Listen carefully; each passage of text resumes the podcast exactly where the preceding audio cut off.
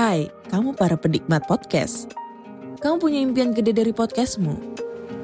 Terus First Story bisa banget bantu kamu.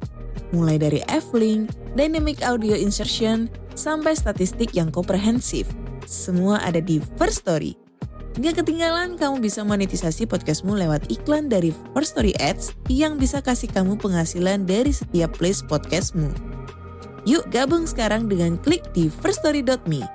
Sekali lagi, klik di firststory.me. Mari kita bawa mimpi podcastingmu menjadi kenyataan. Apakah kamu pernah meminta kenaikan gaji? Atau apakah kamu pernah menolak seseorang atau menyatakan cinta? Semua ini bukan situasi yang mudah. Ada satu titik dalam hidup di mana kamu perlu memutuskan apa yang harus kamu lakukan dalam menghadapi percakapan yang sulit. Kamu punya pilihan entah menghadapinya secara langsung atau menghindarinya. Ini merupakan sifat naluri manusia ketika bertemu sesuatu yang kita anggap bahaya, melawan atau kabur.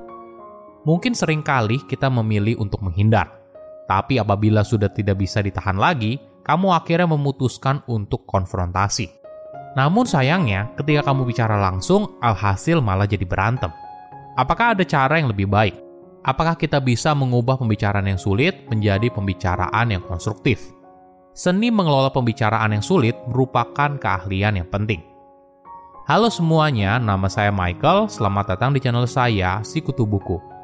Kali ini saya akan bahas buku Difficult Conversation karya Bruce Patton, Douglas Stone, dan Sheila Hinn. Buku ini membahas bagaimana cara menghadapi percakapan yang sulit dan berdiskusi hal yang penting. Setiap harinya, kita mungkin berusaha memulai atau menghindari percakapan yang sulit. Entah berbicara langsung kepada rekan kerja yang tidak mengerjakan tugas yang diberikan, atau sesederhana tidak setuju dengan pasangan. Sayangnya, percakapan sulit tidak bisa dihindari. Jadi, kita perlu belajar bagaimana memiliki percakapan yang produktif. Saya merangkumnya menjadi tiga hal penting dari buku ini. Pertama, tiga tipe percakapan yang sulit. Ketika menghadapi sebuah percakapan yang sulit, apa yang kamu lakukan? Apakah kamu memilih untuk menghindar? Jika iya, maka kamu melakukan hal yang sama seperti yang dilakukan banyak orang. Ada banyak alasan. Mungkin kita takut hasil yang tidak sesuai harapan, atau takut malah pembicaraan ini justru bisa memutus tali persahabatan. Otak kita terus berputar antara dua pilihan. Apakah perlu kita bahas atau biarkan saja? Coba bayangkan situasi ini. Kamu adalah seorang desain grafis yang bekerja di sebuah perusahaan. Di suatu sore, kamu tiba-tiba didatangi oleh tim marketing yang meminta kamu untuk membuat sebuah brosur mendadak dan harus selesai segera. Karena hubungan kamu baik, alhasil kamu bantuin dan kerjain hingga larut malam. Walaupun kamu juga ada kerjaan lain yang mendesak. Di pagi hari, ketika tim marketing itu melihat brosur yang kamu buat dan diajukan ke atasannya, brosur itu ditolak karena dianggap kurang kreatif. Kalian berdua pun berdiskusi hingga akhirnya pembicaraan semakin panas. Beberapa bulan kemudian, hubungan kamu masih belum membaik. Apakah situasi ini familiar? Ketika berada di dalam sebuah proyek, potensi gesekan dalam sebuah hubungan itu sangat rentan. Namun sebenarnya, di setiap pembicaraan yang sulit terdapat tiga pembicaraan yang tersembunyi.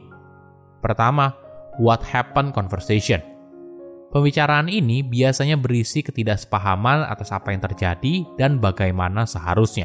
Siapa ngomong apa, siapa melakukan apa, siapa yang salah. Ketika dalam percakapan yang sulit, masing-masing orang mungkin mulai saling tunjuk. Kedua, feeling conversation. Setiap pembicaraan yang sulit mungkin berisi seorang yang bertanya-tanya, apakah perasaan mereka harus diakui atau dikesampingkan mereka mungkin juga bertanya apakah mereka telah menyakiti perasaan orang lain. Terakhir, identity conversation. Percakapan internal diri tentang situasi yang kita alami. Ada berdebatan soal identitas diri. Apakah kita kompeten, apakah kita baik, apakah kita disukai oleh orang lain, dan sebagainya. Ketika hasil kerja kita dikritik oleh orang lain, mungkin saja hal ini membuat kita mempertanyakan nilai diri.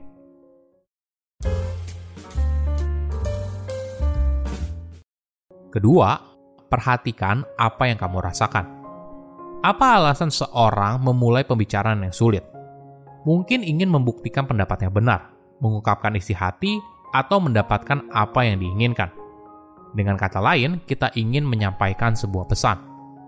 Nah, bagaimana cara yang tepat agar pesan yang kamu ingin sampaikan tepat sasaran tanpa melukai perasaan orang lain?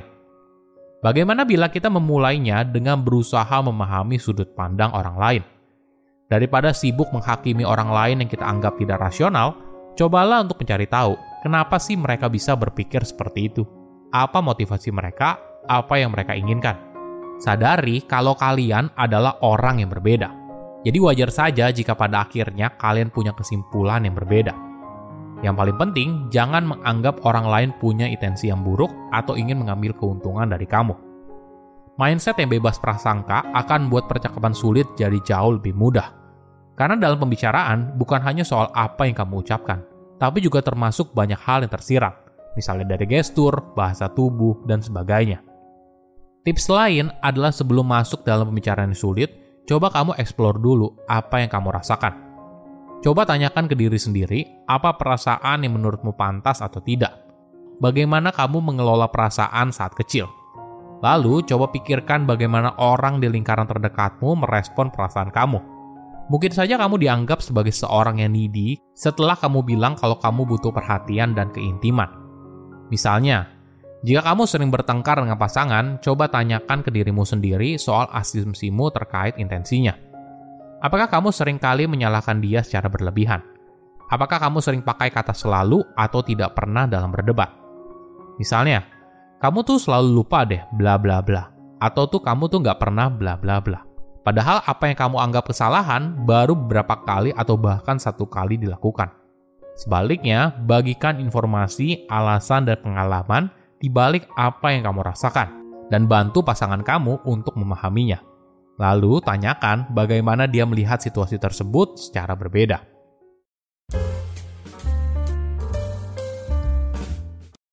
Ketiga, tips komunikasi yang lebih baik. Ada tips yang menarik. Ketika kamu memulai sebuah percakapan yang sulit, penting untuk tidak memulainya dengan sebuah cerita dari sudut pandang kamu. Kenapa? Bukankah kamu hanya ingin membagikan sudut pandangmu saja? Betul, tapi apa yang kamu lakukan justru bisa langsung memercik api sebuah konflik karena beresiko mengancam gambaran diri seseorang. Contohnya begini, kamu dan pasangan baru pulang dari sebuah acara yang diadakan oleh teman pasangan kamu. Lalu ketika kamu pulang, kamu bilang ke pasanganmu kalau apa yang dia katakan tentang kamu di depan teman-temannya membuat kamu jengkel. Bagi pasanganmu, apa yang kamu ucapkan bisa punya makna yang beragam. Bisa saja kamu merasa terhianati karena pasanganmu entah sengaja ataupun tidak berbicara tanpa berpikir. Alhasil, pasanganmu bisa saja menjadi defensif lalu bilang, "Ah, kamu mah baper, biasa aja kok." Hal ini lalu memicu perdebatan panjang dan mungkin saja berujung saling menyakiti perasaan satu sama lain. Nah, bagaimana kalau kamu memulai sebuah cerita dari sudut pandang orang ketiga? Jadi kamu memulai cerita dari sudut pandang pengamat. Sebagai contoh, adikmu suka menaruh barang sembarangan sehingga rumahmu berantakan. Daripada langsung ngomel dan bilang, kamu mah nggak pernah taruh barang yang rapi. Bagaimana kalau kamu sampaikan cerita ini dari sudut pandang orang ketiga? Ya saya tahu, kita mungkin punya pandangan yang berbeda soal kerapian. Nah, dengan pembukaan seperti ini, lawan bicara tidak langsung merasa defensif. Jadi kalian berdua bisa bergerak menuju solusi yang win-win. Cek juga apakah solusi yang kamu tawarkan itu cocok dengan mereka dan libatkan mereka dalam prosesnya. Dengan cara ini, kamu akan memahami sudut pandang mereka, apa keinginannya, apa kesulitan yang mereka hadapi, dan sebagainya. Berikan mereka juga kesempatan untuk bercerita apa yang mereka rasakan. Seringkali kita menghindari percakapan yang sulit karena kita takut mendengar reaksi orang lain. Tapi ketika kamu mulai membuka diri untuk memahami sudut pandang orang lain, lalu menyadari kalau apa yang mereka rasakan sama pentingnya dengan apa yang kamu rasakan, maka kamu lebih siap dalam menghadapi percakapan yang sulit dan berusaha untuk menemukan solusi yang win-win daripada hanya sibuk menyalahkan satu sama lain atau memuaskan ego pribadi. Silahkan komen di kolom komentar pelajaran apa yang kalian dapat ketika baca buku ini. Selain itu, komen juga mau buku apa lagi yang saya review di video berikutnya. Saya undur diri, jangan lupa subscribe channel YouTube Sikutu Buku. Bye bye.